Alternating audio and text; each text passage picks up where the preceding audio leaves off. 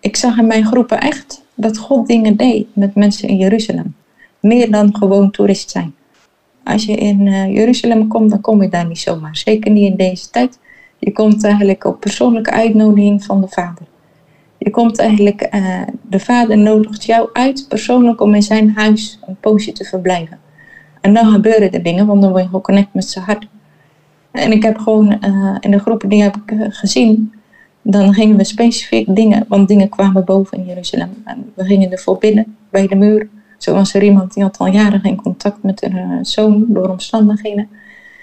We hebben dat uh, gewoon weet je, in die groep gebeden met, bij de muur en voor God gelegd. En die week daarna nam hij ook contact met haar op. Zulke soort dingen hebben we gezien. Bijzonder. En dan word je gewoon zelf zo blij van. Dat, dat is echt, uh, dat is gewoon heel bijzonder.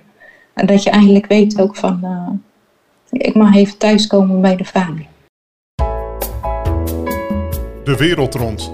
In deze podcast spreek ik, Gerard Adriaanse, met zendelingen over hun leven en werk, hun wel en wee en wat hen beweegt. Jeanette Bosdorp is een kinderverpleegkundige uit Heemskerk. Voordat ze trouwde met haar man Sergio, was Jeanette van 2008 tot 2016 als zendelingen betrokken bij verschillende organisaties die van Gods liefde getuigen in woord en daad in Israël. In deze aflevering vraag ik Jeanette naar haar ervaringen in Israël en onder meer ook naar wat zij in die periode geleerd heeft voor haar verdere leven. Jeanette, welkom in de wereld rond. Fijn dat je mijn gast wilt zijn. Shalom, goedemiddag. Hoe gaat het met je? Ja, het gaat goed. Momenteel uh, woon ik dus in Nederland en ik ben intussen getrouwd en ik heb een dochtertje. Maar in het verleden heb ik dus uh, zeven jaar in Israël gewoond en gewerkt. Bijna acht. En uh, dat heb ik gewoon met heel veel plezier gedaan.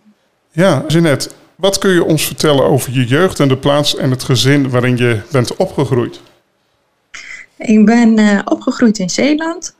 En mijn ouders komen eigenlijk uit Middelburg. En ik heb twee zussen, dus drie meiden in ons gezin. En wij zijn opgegroeid in Zeeuws-Vlaanderen, in Terneuzen. Dus dat was eigenlijk uh, een, een, rustige jeugd, zeg maar. Maar heel leuk. Ik ben reformatorisch opgegroeid in de kerk. En um, ja, daar ook God leren kennen. En Israël heeft altijd wel een rol gespeeld eigenlijk. Het is gewoon vanzelf gekomen. Het is niet zozeer dat ik in de kerk echt over Israël hoorde. Want ik denk dat dat uiteindelijk ook, uh, ja, wat we nu zien, zeg maar. Toen wist je dat niet zo, maar meer uh, vervangingstheologie is natuurlijk. Maar ik ben heel blij met de wortels die ik heb. Gewoon dat je de dingen uit het woord leert. Maar gaandeweg werd ik me gewoon bewust van Israël. En ik, wat wel mooi was, ik zat op de HAVO, een middelbare school in Goes. Dat was ook reformatorisch. Maar mijn geschiedenisleraar die gaf heel jaar les over Israël. De geschiedenis van Israël, de moderne oorlogen. Uh, de hele historie. En dat heb ik gewoon heel graag uh, gevolgd. Daar heb ik heel veel van geleerd. Van alle bevo bevolkingsgroepen daar. En gewoon, ja, daar was ik gewoon heel blij mee. En ik zei toen al tegen mijn vriendinnen van er komt een dag en dan ga ik naar Israël. Eerst dacht ik van als ik mijn verpleegkundige opleiding heb gedaan, dan ga ik daar werken. En dat heb ik ook wel geprobeerd, maar dat, toen ging de deur niet open op dat moment. En het kwam altijd wel terug in mijn leven. Zelfs toen ik in Zeeuws-Vlaanderen woonde, dat is wel grappig. Toen zag ik dus een advertentie dat je in het synagogekoor kon zingen in Amsterdam. Dus ik had die man ook ge, gebeld. Uh, om Hebreeuwse psalmen te zingen in de synagoge. En, uh, dat was een heel leuk gesprek, maar uiteindelijk mogen de vrouwen daar natuurlijk helemaal niet zingen in de synagoge. Maar gewoon de drive naar de Hebreeuwse taal, eigenlijk de pool, ja, de aantrekkingskracht, dat was er altijd. En toen wist ik van, uh, ik moet het even laten rusten. Waarschijnlijk is het nu niet Gods tijd en dan komt het nog. dus toen ik heb mijn verpleegkundige opleiding nog gedaan in Terneuzen. En gelijk daarna eigenlijk, uh, tijdens die opleiding, ik heb altijd gehouden van missies. Altijd uh, een hart voor zending gehad. En uh, ik, tijdens die opleiding nog in Zeeland heb ik ook veel gereisd voor Open Doors. Naar allerlei Arabische landen. God deed daar gewoon de deur voor open. En, en naar China. En dat vond ik ook geweldig. En ehm, daarna ben ik terechtgekomen gewoon eigenlijk heel onverwachts. Gewoon door een foldertje bij Jeugd met een opdracht in uh, Amsterdam. En daar heb ik drie maanden in kasafstand gezeten en met kinderen gewerkt. En daarna ben ik een periode naar Utrecht gegaan. Dan ben ik de kinderverpleegkundige opleiding gaan doen. Ook met heel veel plezier gewerkt een poosje. En daarna kwam toch Israël terug op mijn pad. Toen ben ik de voorbereidende opleiding gaan doen voor uh, de NEM, de Near East Ministry, voor het hele Midden-Oosten. Die werken ook in de Arabische landen en ook met de Palestijnen en ook met de Joden. En dat was gewoon een hele goede voorbereiding. En ook hele mooie mensen ontmoet. En uh, toen kwam ik in Israël. En toen ben ik begonnen in Jeruzalem met taalstudie van Hebreeuws. Dat vond ik echt geweldig. Ik had trouwens ook nog uh, even bij de Arabische Wereldzending gekeken. Dat vind ik ook een geweldige organisatie. En ook echt fijne mensen die dat leiden toen. En, uh, maar toen heb ik uiteindelijk toch gezegd, uh, ik wil graag Hebreeuws leren. En dan laat ik dit nog even liggen. Dan heb ik toch een andere richting gekozen. Maar uiteindelijk heeft dat hele gebied mijn hart. Maar in de NEM, toen was ik bezig met de Ulpan-studie. En het ministerie van Binnenlandse Zaken die regelt dan de visums. En die had eigenlijk alleen de plek voor mij in het hoge noorden van Israël. Het gehandicapt en dan kon je drie maanden taalstudie doen, twee jaar blijven en ging je eigenlijk weer weg. Maar ik wilde heel graag investeren in de taal. Omdat het ook toch een sleutel is tot mensenharten. En ik vind het geweldig. Eh, ook uh, om meer van de Bijbel te leren in de taal. Dus toen heb ik toch gekozen om dat langer te doen uh, ben ik uiteindelijk in Jeruzalem gebleven. En dan zijn er weer heel andere dingen op mijn pad gekomen. Ja, bijzonder. Je, net mee, je had het ook over de vervangingstheorie. En dat heeft er volgens mij mee te maken dat uh, de kerk in Nederland op een gegeven moment zei, of een gedeelte van de kerk, van wij zijn in de plaats gekomen van Israël. Dat is het toch? Ja. Kun, je, kun, je, daar iets meer over uitleggen? Want het is wel waarschijnlijk dat er bepaalde luisteraars zijn van die dat niet uh, precies kennen. Nee, nee. Ik denk ook dat we daar onze, ja, pas de recentere jaren van bewust zijn, denk ik ook. Uh, eigenlijk door de loop van, wij waren natuurlijk, eigenlijk gingen wij heel samen op met Israël. Wij, wij uh, ja, God koos Israël, zijn land en zijn volk. Hij bracht de Messias. En hij zei ook, uh, ja, van dat daar ook de heidenen bij zouden komen. Hè? Dat die ingegraveerd zouden worden in de boom van Israël, eigenlijk in het volk van Israël. En dat die deel zouden krijgen aan het verlossingswerk van Jezus. En dat hebben we heel lang, eigenlijk zijn we samen opgelopen tot de derde eeuw. En dan was het ook veel normaler, denk ik, uh, om, om, het uh, bekend te zijn met elkaars geloof. Maar daarna is het eigenlijk apart gegaan. En ook een stukje vervolging en dingen. En ik denk ook vervreemding tussen de kerk en Israël is gekomen. En er is alleen natuurlijk ook een stukje geschiedenis uh, met uh, al de kruistochten en dingen. Dat heeft niet altijd goed gedaan. Maar op een gegeven moment ja, is het uit elkaar gegroeid, laat ik het zo zeggen. Maar we zijn wel geënt om dezelfde wortel en stam. En dat is toch ja, de Heer Jezus. En ik denk dat we ons, toen Israël is natuurlijk helemaal in de diaspora gegaan, verstrooid onder de volken. We zagen het ook niet meer. Hè? Het werk van God eigenlijk met de Joden was niet zo zichtbaar op dat moment voor de kerk. En ik dacht van ja, wij zijn eigenlijk, God heb Israël nu laten liggen en die heeft de draad opgepakt met uh, de gemeente. Die is nu het volk van God. En verder is er voor Israël geen bijzondere rol meer weggelegd, zeg maar. Maar God die heeft een verbond met Israël. En dan blijft hij altijd trouw aan. En hij heeft gewoon die belofte die hij in de profeten heeft gedaan. Van ik zal jullie terugbrengen naar mijn land. Ik ga jullie reinigen met water. En jullie zullen mijn volk zijn. Al die dingen, Jesaja, Jeremia, Ezekiel. Dal van de doorndoosbeenderen. Dat, dat ligt daar. En God heeft de draad weer opgepakt met Israël. En we zien dat ook gewoon uh, de vijgenboom als het ware is weer gaan bloeien. Ze zijn teruggekomen naar het land. Er is weer een hoofdstad, Jeruzalem al die dingen, die zijn er ook weer, zeg maar, in het natuurlijke. Dus dan weten we, die beloften in het geestelijke, die zijn er e even goed nog. En um, ja, God, hoe zou ik het zeggen? Hij heeft geen. Uh, wij hoeven daarin zeg maar niet jaloers te zijn. God heeft voor allebei een, uh, een, uh, hele speciale plaats. En Israël is ja, Gods verbondvolk. En van zijn land en van zijn woord. En ik denk als wij daar zeg maar, als gemeente weer terug naartoe gaan. Als we daar werkelijk van leren. Van hoe God, heeft God het eigenlijk echt bedoeld. En dat is een zoektocht hoor. Ik zal ook niet zeggen dat ik het allemaal weet. Maar ik denk als dat weer naar elkaar gaat toegroeien, dan krijg je echt iets heel moois. Gewoon de volheid van zoals God het bedoeld heeft. Ja. Jij zei net van zendeling is bekend dat ze vaak door een cultuurschok heen gaan. Zeker aan het begin van hun zendingswerk op een voor hun nieuwe plek. Hoe was dat voor jou toen je in Israël kwam wonen? Nou, er was zeker een cultuurshock. Het is dubbel. Eigenlijk aan de ene kant kan ik echt zeggen van het voelde net alsof ik thuis kwam. Ja, alsof ik thuis kwam. Ik zal nog even vertellen, dan pak ik nog even terug. Ik kom zo terug op de cultuurshock. Prima. Maar God had het heel mooi uh, ja, eigenlijk voorbereid. Ik was eerst uh, met een groepsreis naar Israël geweest, met allemaal gelovigen en op de Mount Carmel. Dat was allemaal bijzonder in Jeruzalem. Maar vlak daarna gaf God eigenlijk de mogelijkheid. Toen ben ik eerst met een vriendin naar Pakistan geweest om de vervolgde christenen te, te helpen. En in diezelfde reis, ik kwam terug en ik, ik ben gelijk eigenlijk op twee paspoorten doorgereisd naar Israël. Hm. Zo ging het, zo is het terechtgekomen. Maar in Israël en in Jeruzalem, in die, in die anderhalve week heb God eigenlijk alle connecties gelegd die ik later nodig had met mensen.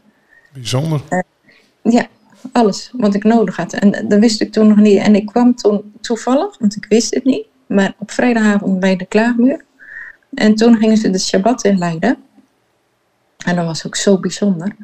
Dan zie je ze gewoon, uh, ja, de, de Joden naar de klaagmuur om te bidden. Je ziet ze dansen, zingen, uh, ja, bidden. En je doet zelf ook mee. En dat was gewoon heel bijzonder. Ik, ik zag ze daar en het was alsof er iets in mijn hart. Uh, hoe kan ik dat nou zeggen? Alsof er iets geboren werd, als het ware. Ik, ik kon als het ware gewoon de, als je het zo mag zeggen, de vreugde van de Heer voelen. Dat zijn volk terug was in zijn eigen land. Zoals een vader voelt voor zijn kinderen. En, uh, dus daar ben ik eigenlijk nooit meer kwijtgeraakt. En uh, dat was echt een, uh, een basis. Ik heb toen ook mensen ontmoet, bij een week later ook, via een week later ook een huis kon, of een, kamertje kon huren, zulke soort dingen. Maar dat was heel mooi gewoon, uh, dat wil ik ook zeggen, van als God een missie voor je hebt, dan gaat hij ook gewoon ieder, uh, brengt je ook de dingen op je pad. Waardoor dingen open gaan op het juiste moment. Maar jij zei ook van, terug op de cultuurshock, die had ik zeker. Want soms denk ik ook wel eens, ik geloof niet dat ik dat nou zelf helemaal had. Ik was er natuurlijk twee keer wel al geweest, maar soms kunnen we wel eens het idee hebben, als je al Israël hoort, dan denk je nou aan die ezels van vroeger en uh, mensen lang gewaand over de tijd van Jezus. En dan kom je er. En dan kom je erachter van, hé, hey, het is hier ook echt uh, het jaar 2000. En uh, het is ook een hele smeltkroes. Hè? Iedereen komt overal vandaan. Is een heel smeltkroes van culturen daar. Er zijn Joden uit Jemen, uit Rusland. Uit alle delen letterlijk van de wereld, uit China. En ook dat moet met elkaar boteren. Ik heb bijvoorbeeld in, uh, ook veel gewerkt met Ethiopische Joden. En daar kom ik hele schrijnende situaties tegen. Echt moeilijke gezinssituaties. En dat is toch, ja, dat je ook aan je hart gaat. Dat je denkt, wacht, u hebt ze teruggebracht naar uw eigen land. En toch gaat, ja, moeten ze ook gewoon door al die dingen heen. En daarnaast ook zie je natuurlijk ook het conflict tussen de Arabieren en de Joden. Ook van dichterbij. Je, je maakt ook uh, terreuraanslagen mee en dat soort dingen. En je kent ook weer mensen achter, achter die gezichten. Dus dat maakt het allemaal veel reëler. En je ziet ook dat het allemaal veel gecompliceerder is dan je dacht. Sommige dingen heb ik juist minder een antwoord op gekregen. Maar ja, je hebt ook binnen de Joden heel divers. Je hebt natuurlijk de zware orthodoxe, je hebt gewoon orthodox, je hebt seculier. Uh, alles en nog wat. Ze zeggen altijd in Haifa wordt er gewerkt. Er zitten heel veel high-tech bedrijven. In Jeruzalem wordt veel gebeden. Er zitten natuurlijk heel veel orthodoxe Joden en de Meersherim. En in Tel Aviv wordt heel veel gefeest. Dat is natuurlijk ook bekend als een badplaats en een homoplaats. En ook dat kom je allemaal tegen, zeg maar, onder Gods volk. En dat is best wel uh, ja, een, een cultuurshock. En ook de cultuur. Ik ben in Zeeland, gelukkig was ik al een beetje uh, Amsterdam gewend. Ik heb daar mijn jeugd een opdracht gezeten. En de Amsterdammers zijn heel direct. En dan ben je vanuit Zeeland niet zo gewend. In het begin kan je vreselijk schrikken. Maar de, Israëli's zijn ook heel direct. En echt bijna bot. Dat is de cultuur. Dat kan bijna bot zijn. Maar als je ze beter leert kennen. Ze zeggen ook, er is een Israëlisch gezegde van we zijn sabras. Van buiten zijn we harde cactussen. Maar van binnen zijn we een zoete vrucht. En ik denk ergens dat nog waar is ook. In de meeste gevallen. En van buiten kan het even niet leuk soms ook overkomen. En als je ze leert kennen, dan zijn het soms weer zulke warme, hartelijke mensen. Ze kunnen je ook weer zo van alles voor je over hebben. Net als de Arabieren. Als je daar allemaal komt eten bij die twee culturen, dan hebben ze al hun tafels vol, weet je wel. Heb je onderweg pech, komen ze je zeker helpen. Ze zullen je nooit voorbij rijden. En ze zien elkaar ook alweer als één grote familie. Soms kan je ze horen voeteren op elkaar, keihard gewoon. Maar daarna lopen ze ook weer gewoon met elkaar over straat. Dus dat is even wennen. Het is veel heetbloediger. Maar het is, uh, ja, er zitten ook hele mooie, mooie kanten aan. Ja, mooi hoe je dat zo uh, beschrijft, Jeanette. Ja, Jeanette, kun je ook wat meer vertellen over waar je woonde en waar je je zoal mee bezig hield in Israël? Ja, dat werd uiteindelijk heel divers. Had ik nooit gedacht, maar het ging gewoon zo. Dus in het begin dacht ik, ik ga alleen als verpleegkundige werk of vrijwilligerswerk doen. Maar uiteindelijk werd het breder dan dat. Het is gewoon zo gegroeid. De dingen zijn op mijn pad gekomen als het ware. Dus ik ben met, eerst was ik begonnen met de NEM en daardoor ook veel contacten in Israël gekregen. Ook nu nog echt nog contacten vandaar uh, die ik nog steeds heb, vriendschappen. Dus daar ben ik echt heel blij mee. En ehm, toen uh, heb ik dus uh, meer geïnvesteerd in de taal. Maar ik ging daarnaast smiddags bij, uh, bij Adgeim vrijwilligerswerk doen. En Adgeim is een organisatie die werkt voor het ongeboren leven.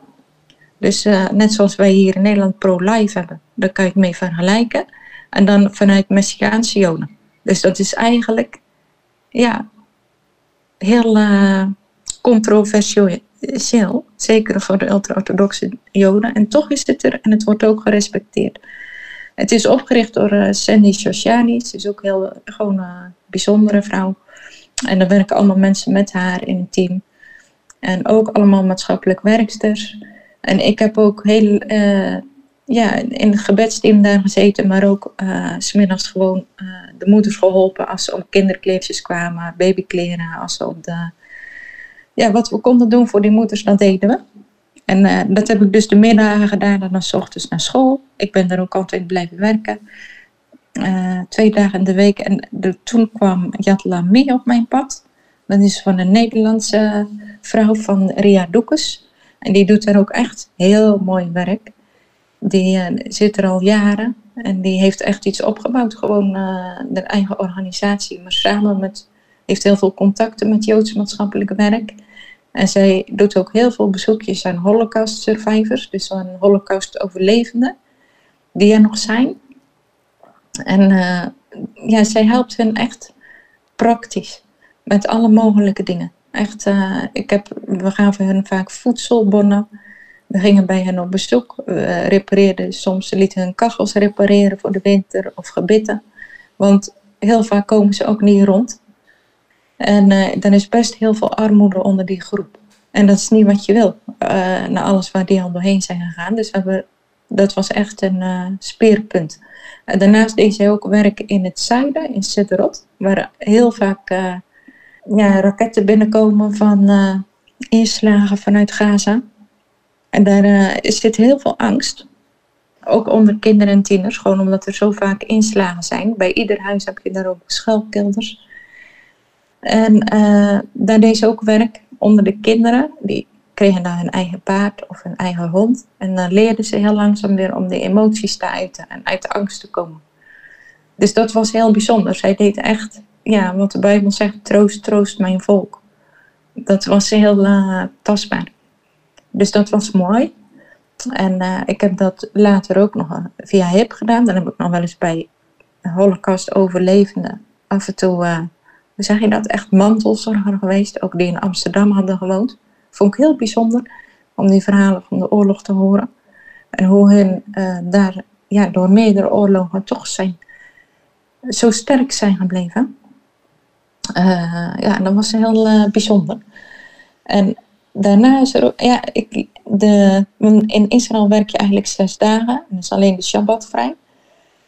Maar op dinsdag mocht ik altijd van mijn werk s ochtends naar de voorbeden van Sukkot Halel. Die, die binnen voor het hele Midden-Oosten, voor Jood en Arabier. Een hele mooie organisatie met heel veel mensen die bidden. En uh, ja, heb ik altijd veel gedaan. Dat zag ik toch ook als een deel van mijn werk. En af en toe ging ik ook naar de gebedswandelingen om de muur. Uh, er is gewoon heel veel gebed nodig. En ik, ik geloof zelfs, het is zo praktisch. De Bijbel zegt van, uh, bid voor de vrede van Jeruzalem. En ik geloof als we dat echt doen, als het volk van Israël zegenen en daar echt voor binnen, dan wordt ons, daar doe ik niet voor, maar tegelijkertijd belooft God van ga ik jou ook zegenen en ook jouw land. En ik denk als wij echt dingen in Nederland zien, willen zien veranderen, dan moeten we ook, ook eigenlijk voor Israël staan. Het is heel cruciaal in de tijd die komt.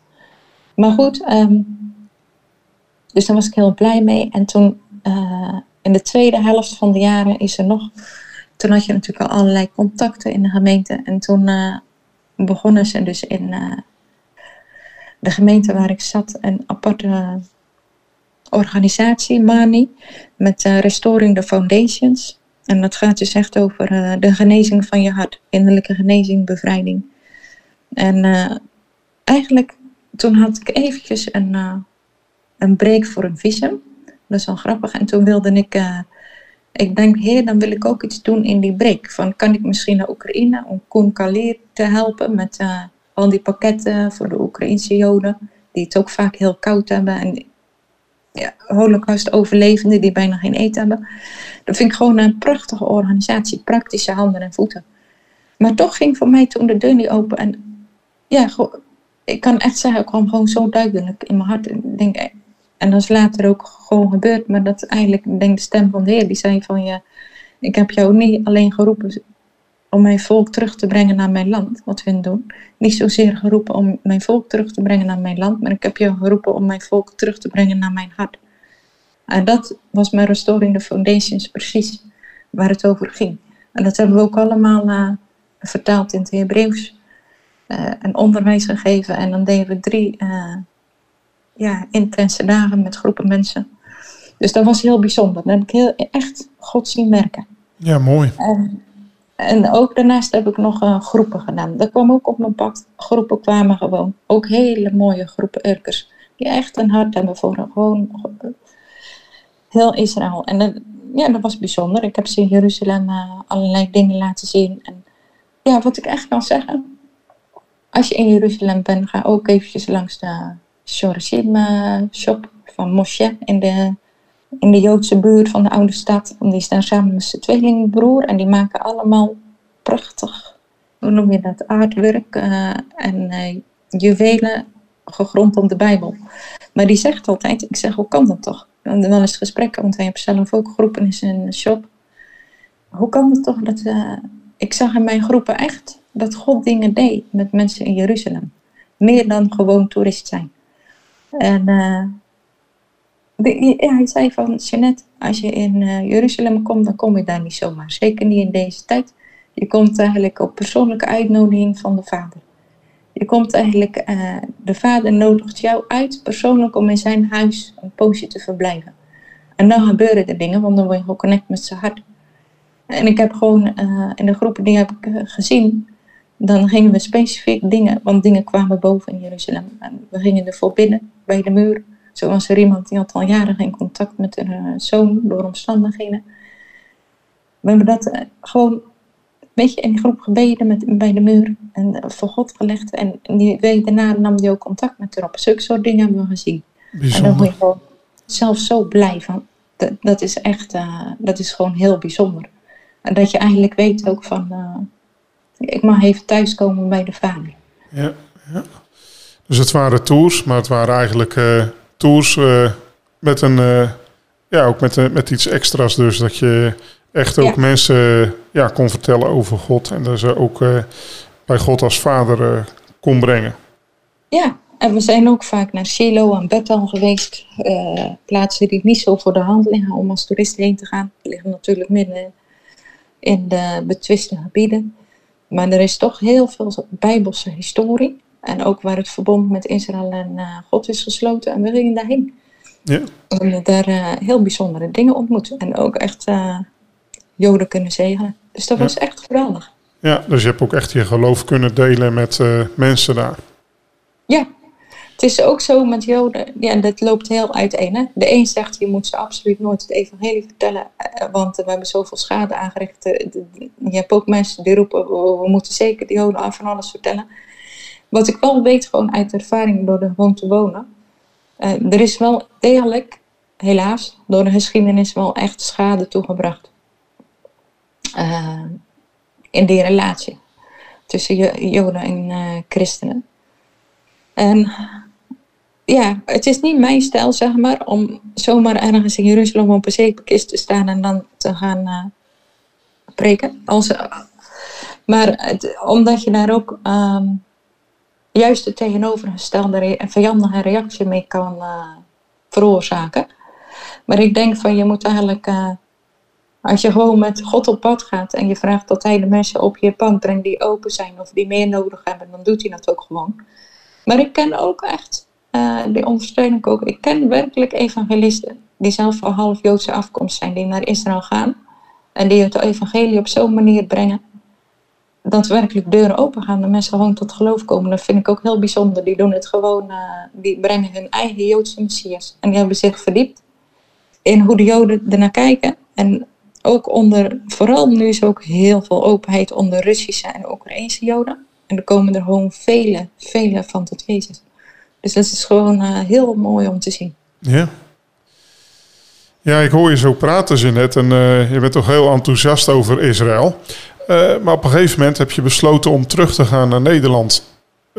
waarom ben je op een gegeven moment teruggegaan naar Nederland? Wat was de re achterliggende reden? Kun je daar iets over vertellen? Ja, ik kan natuurlijk telkens een visum voor een jaar of, of, nooit voor levenslang natuurlijk. Mm. En dan moest je dan ook weer verlengen. En dat komt de hoop paparazzen en dingen bij kijken. Dus dan ben je altijd ook weer even op een kruispunt. En ik was toen zeven jaar in Israël geweest. En uiteindelijk, het, het was een uh, beslissing. Maar achteraf er gingen er rond die tijd eigenlijk heel veel mensen uit Israël. Ik was niet de enige. En uiteindelijk is daarna COVID gekomen, werd de situatie ook anders. Maar dat wist ik toen nog niet. Maar goed, ik was in Nederland en bij mij liep het weer anders, weer unieker, maar ik kwam Sergio tegen. En um, die had toen nog niet heel veel in Israël geweest. We zijn daarna, toen elkaar tegenkwamen, ook samen naar Israël geweest. En uiteindelijk, hij, hij is Surinaams, maar is ook in Nederland, uh, hij is vanaf zijn veertiende in Nederland uh, opgegroeid. En gelovig. En uh, uiteindelijk zijn we ook, uh, toen we getrouwd waren, hebben we het hier in Nederland gevierd, maar we hebben het ook in Israël gevierd. En we hebben daar ook nog onze bruidsjurk en pak en uh, koffer meegenomen en op huwelijksreis geweest. Het was uh, heel mooi. Mooi, ja. Ik had nooit kunnen denken, allemaal. Mm. Nee. Ja. En eigenlijk had ik toen ook de keus. Ik zou weer een langdurig visum kunnen krijgen, maar toen moest ik gewoon de keus maken. En toen, heb ik, toen hebben we deze keus gemaakt. Ja, ja, ja. Ja, hoe was het voor je om, om opnieuw je draaien en je plekje te vinden in Nederland toen je terugkwam? Ja, je gaat wel door een uh, rollercoaster. Dat moet ik eerlijk zeggen. Je gaat weer remigreren als het ware. En je gaat uh, natuurlijk een huwelijk in. Je krijgt weer een nieuwe job. Ik heb nog een opleiding gedaan. De, naast kinderverpleegkundige neonatologie verpleegkundige. En toen had ik Shifra al, mijn dochter. Dus dat was best wel heel veel switchen. En dan even in de thuiszorg geweest, BIG-register opgehaald. Gewoon uh, heel intensief. Ja. Maar ook heel mooi. Uh, gewoon weer een heel nieuwe fase. Ja, ja. En natuurlijk, natuurlijk mis ik Israël. Dat is ook waar. Maar uh, ik zeg nooit nooit. En nog steeds, dat vind ik echt mooi. Uh, gisteren was ik gewoon ergens in het speelpark met mijn dochter. dat noem ik maar als voorbeeld. En ik riep, Sifra, kom. En een vrouw naast mij die reageerde acuut. En ik keek naar haar en ik zeg, jij komt uit Israël. We hebben dus even Hebreeuws gepraat en ze zei, luister, mijn, mijn moeder heette Shifra. En ze zei, ik vind het zo'n bijzondere naam, mm. je hoort niet veel. En zo raakten we aan de praat. Ik zeg, ik hou echt van Israël. En dat we er gewoond hadden. En uh, gewoon een heel leuk gesprek. En ook nog met haar man en de kinderen. Dus zulke soort dingen komen nog op je pad. En je weet het niet in de toekomst. Ik, ik hou mijn hart altijd open. Ja. Ja, hoe hebben Sergio en jij elkaar leren kennen? Kun je daar iets over vertellen? Ja, uiteindelijk. Uh, ik had altijd sowieso wel Surinaamse vrienden in Amsterdam, waar ik ook wilde logeren als ik terugkwam. Dus we hadden eigenlijk elkaar nog eerder tegen kunnen komen. Dat is wel grappig achteraf. Heb ik niet. Maar we zijn toen via wederzijdse vrienden elkaar tegengekomen en uh, daar was toch de klik. En ik wist ook van dat er een switch zou komen. Dus daar was ik wel blij om, dat ik toch al een beetje was voorbereid, zeg maar. In mijn hart dat er een switch aan zou te komen. Als was het een hele grote switch geweest, zeg maar. Ja. ja. Dat dit eraan zat te komen. Dus ik, ja, we zijn wel elkaar op la, eh, ja, gewoon ook door zendingen en dingen op latere leeftijd tegengekomen. Maar nog steeds is dat, ja, dat is gewoon heel mooi. Als het Gods tijd is, dan, dan passen die dingen ook in elkaar. Ja. ja, nadat jullie trouwden, kregen jullie dus inderdaad, zoals je zei, je dochter, Shifra. Uh, hoe veranderde het getrouwd zijn en daarna de geboorte van jullie dochter je leven, Jeanette? ja. Ja. Het is, het is gewoon prachtig. Het is natuurlijk gewoon prachtig. Als je gewoon samen je leven kan delen. En uh, ja, gewoon ook in een verbond met elkaar. Dat je samen alles deelt in het leven. Dat is gewoon heel bijzonder. Ik heb natuurlijk ook een groot deel van mijn leven gewoon alleen de dingen gedaan. Dus dat is wel een grote verandering. Maar ook heel mooi. En zeker ook moeder zijn en Sergio vader zijn. Daar zijn we gewoon super blij mee. Dat is echt iets, daar heb ik altijd toch uh, gehoopt dat ik dat nog een keer zou uh, mogen worden. Dus uh, ook heel veel vreugde, veel plezier. En aan de andere kant, dat moet ik er ook weer gewoon bij zetten. Als je in de red race zit van werk, werk kerk, eten, slapen, zeg maar, en naar school. Dan is het soms ook weer dat je even weet van, oh ja, ik zit nu net als alle burgers in, in de race. En daar is niks mis mee. Maar die avontuurlijke kant, de echte avontuurlijke kant, in één keer je koffers kunnen pakken omdat je ergens heen moet op een missie, dat is wel uh, de Danny. En dat mis ik soms. Ja, ja. De avontuurlijke kant, dat ook. Ja, maar, ik mhm. ben heel blij. Ja, ja. ja, het is misschien ook lastig om, uh, om allebei te doen. Het is als je natuurlijk vrijgezel bent, heel makkelijk om te doen. Maar als je eenmaal uh, getrouwd bent, heb je natuurlijk je verplichtingen. En dat, ja. Uh, ja, dan ben je niet meer zo mobiel vaak. Hè. Het is toch, nee. uh, ja. Maar ook heel mooi, zoals je zegt. Het zijn, nou ja. Mm. Ja. Ja, inmiddels ben je dus alweer een hele tijd terug in Nederland, Jeanette. Als je nu terugdenkt aan die tijd, is er dan specifiek iets wat je geleerd hebt in die jaren, waar je nu in Nederland nog altijd wat aan hebt?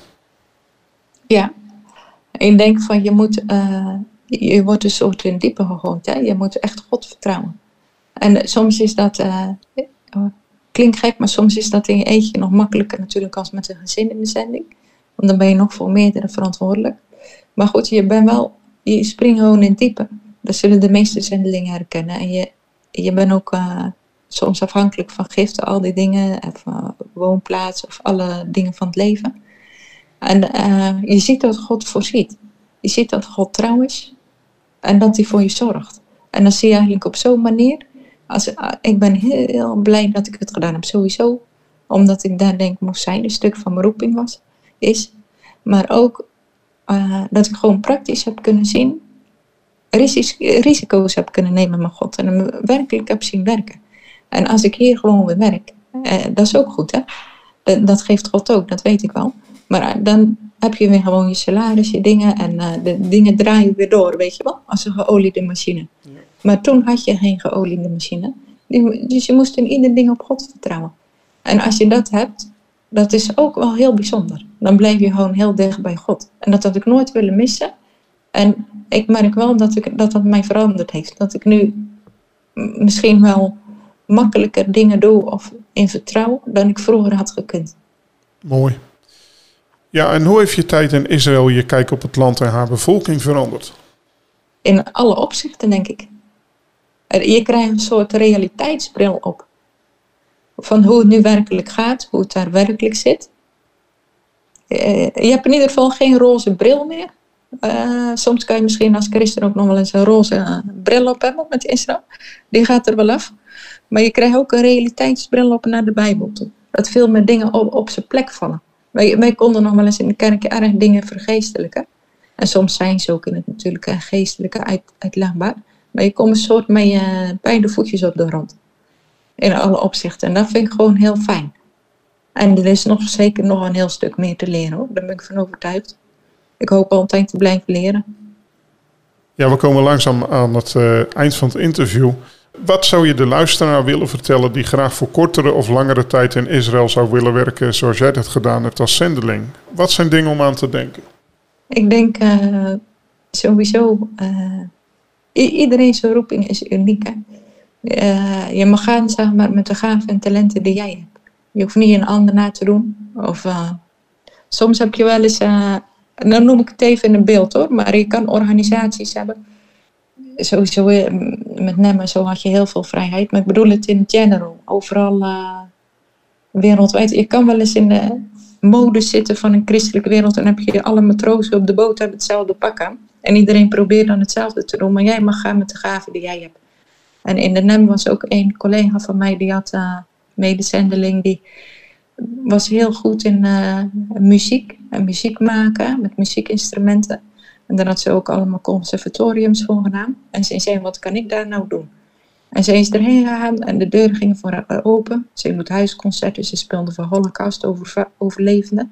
En ze geeft nou les in de oude stad aan Joodse en Arabische kinderen. Om muziek te leren. En uh, op muziekscholen daar. En dat is zo bijzonder. Gewoon wat God jou gegeven daar mag je mee op pad. En uh, ja, als je gaat dan hoef je het niet zelf te doen. Je mag echt Gods hart, echt Gods hart ontvangen voor de, voor de volken daar. Voor iedereen in dat land.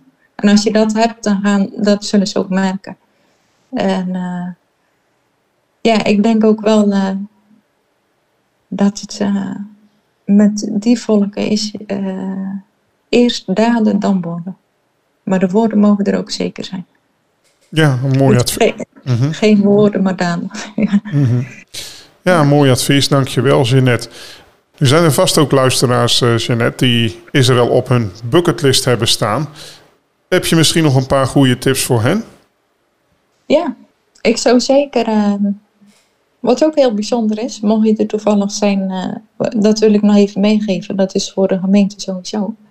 Mm-hmm. God is echt God van Abraham, Isaac en Jacob. En daar, zijn wij, daar horen wij bij. En hij is nog steeds diezelfde God. En hij, God werkt met de Hebreeuwse, de Bijbelse feesten. Het zijn geen Joodse feesten. We hoeven ook geen Jood te worden en allemaal kippers op en zo. Dat hoeft allemaal niet. Maar wij zijn gewoon die eigen zoon uit de volken die bij Gods huis gekomen is. Maar je mag meedoen aan die Bijbelse feesten. Als je ook in Israël bent. En het, het, is iets. Uh, het is Gods kalender. Die heeft hij altijd aangehouden. En eh, kerst is ook prachtig. En God zal daardoor ook mensen bereiken. Daar heb ik helemaal geen moeite mee. Maar waar hij mee rekent, is nog steeds Yom Kippur, het Loofhuttenfeest, uh, Joods Nieuwjaar. En dat zit er weer bijna aan te komen in uh, september, Joods Nieuwjaar, de grote verzoendag. Als je op die dagen echt de Heer zoekt, echt God zoekt, dan is als het ware, ja, hoe zou ik het zeggen, de deuren van de hemel staan als het ware al open dan is die scheidingslijn tussen het geestelijke en natuurlijke heel dun. En uh, dan kan je gewoon echt uh, ja, openbaring uit Gods hart ontvangen. En uh, iedereen die dat weet, dat zou ik zeker doen. Maar ook uh, als je in Israël komt, ik zou even langs de klaagmuur gaan. En misschien ook op een Shabbat, een vrijdagavond. Het is altijd heel mooi. En ehm, ja, sowieso kan je natuurlijk naar de plekken gaan waar Jezus is geweest. En maar ook heb je plekken waar je gewoon weer uh, de Joden kan ontmoeten. Soms kan je ook uh, Shabbat meevieren. Of uh, mensen doen soms een deel in de gaarkeuken mee ontmoeten naar mensen. Net wat bij jou past. En je kan altijd, uh, Konjanus doet altijd prachtige rondleidingen ook in Bethel en Shiloh. Dat zijn toch plekken waar de gemiddelde toerist wat minder komt. Als je die kansen hebt, gewoon meepakken. Ja. En we kijken wat God op jouw pad brengt. Ja, dat zijn mooie, mooie tips. Uh, Lonely Planet zou zeggen, off the beaten road. Van uh, ja, toch anders dan anders. Ja, ja. bijzonder. In de wereld rond sprak ik vandaag met Jeanette Bosdorp over haar periode in Israël, waar ze werkzaam was als zendelinge. Jeanette, ik wil je heel hartelijk bedanken voor je openhartig verhaal, je tips en het delen over je ervaringen in het bijzondere land Israël. Samen met je man Sergio en je dochter Shifra wens ik je Gods rijke zegen toe als gezin in Nederland in het leven van alle dag. Ga met God. Dankjewel. Tot ziens. Dank je voor het luisteren naar De Wereld Rond. Een podcast waarin ik, Gerard Adriaanse, spreek met zendelingen over hun leven en werk, hun wel en wee en wat hen beweegt. Als je wilt reageren, stuur dan een e-mail naar podcastdewereldrond, apenstaatje yahoo.com. Tot de volgende keer.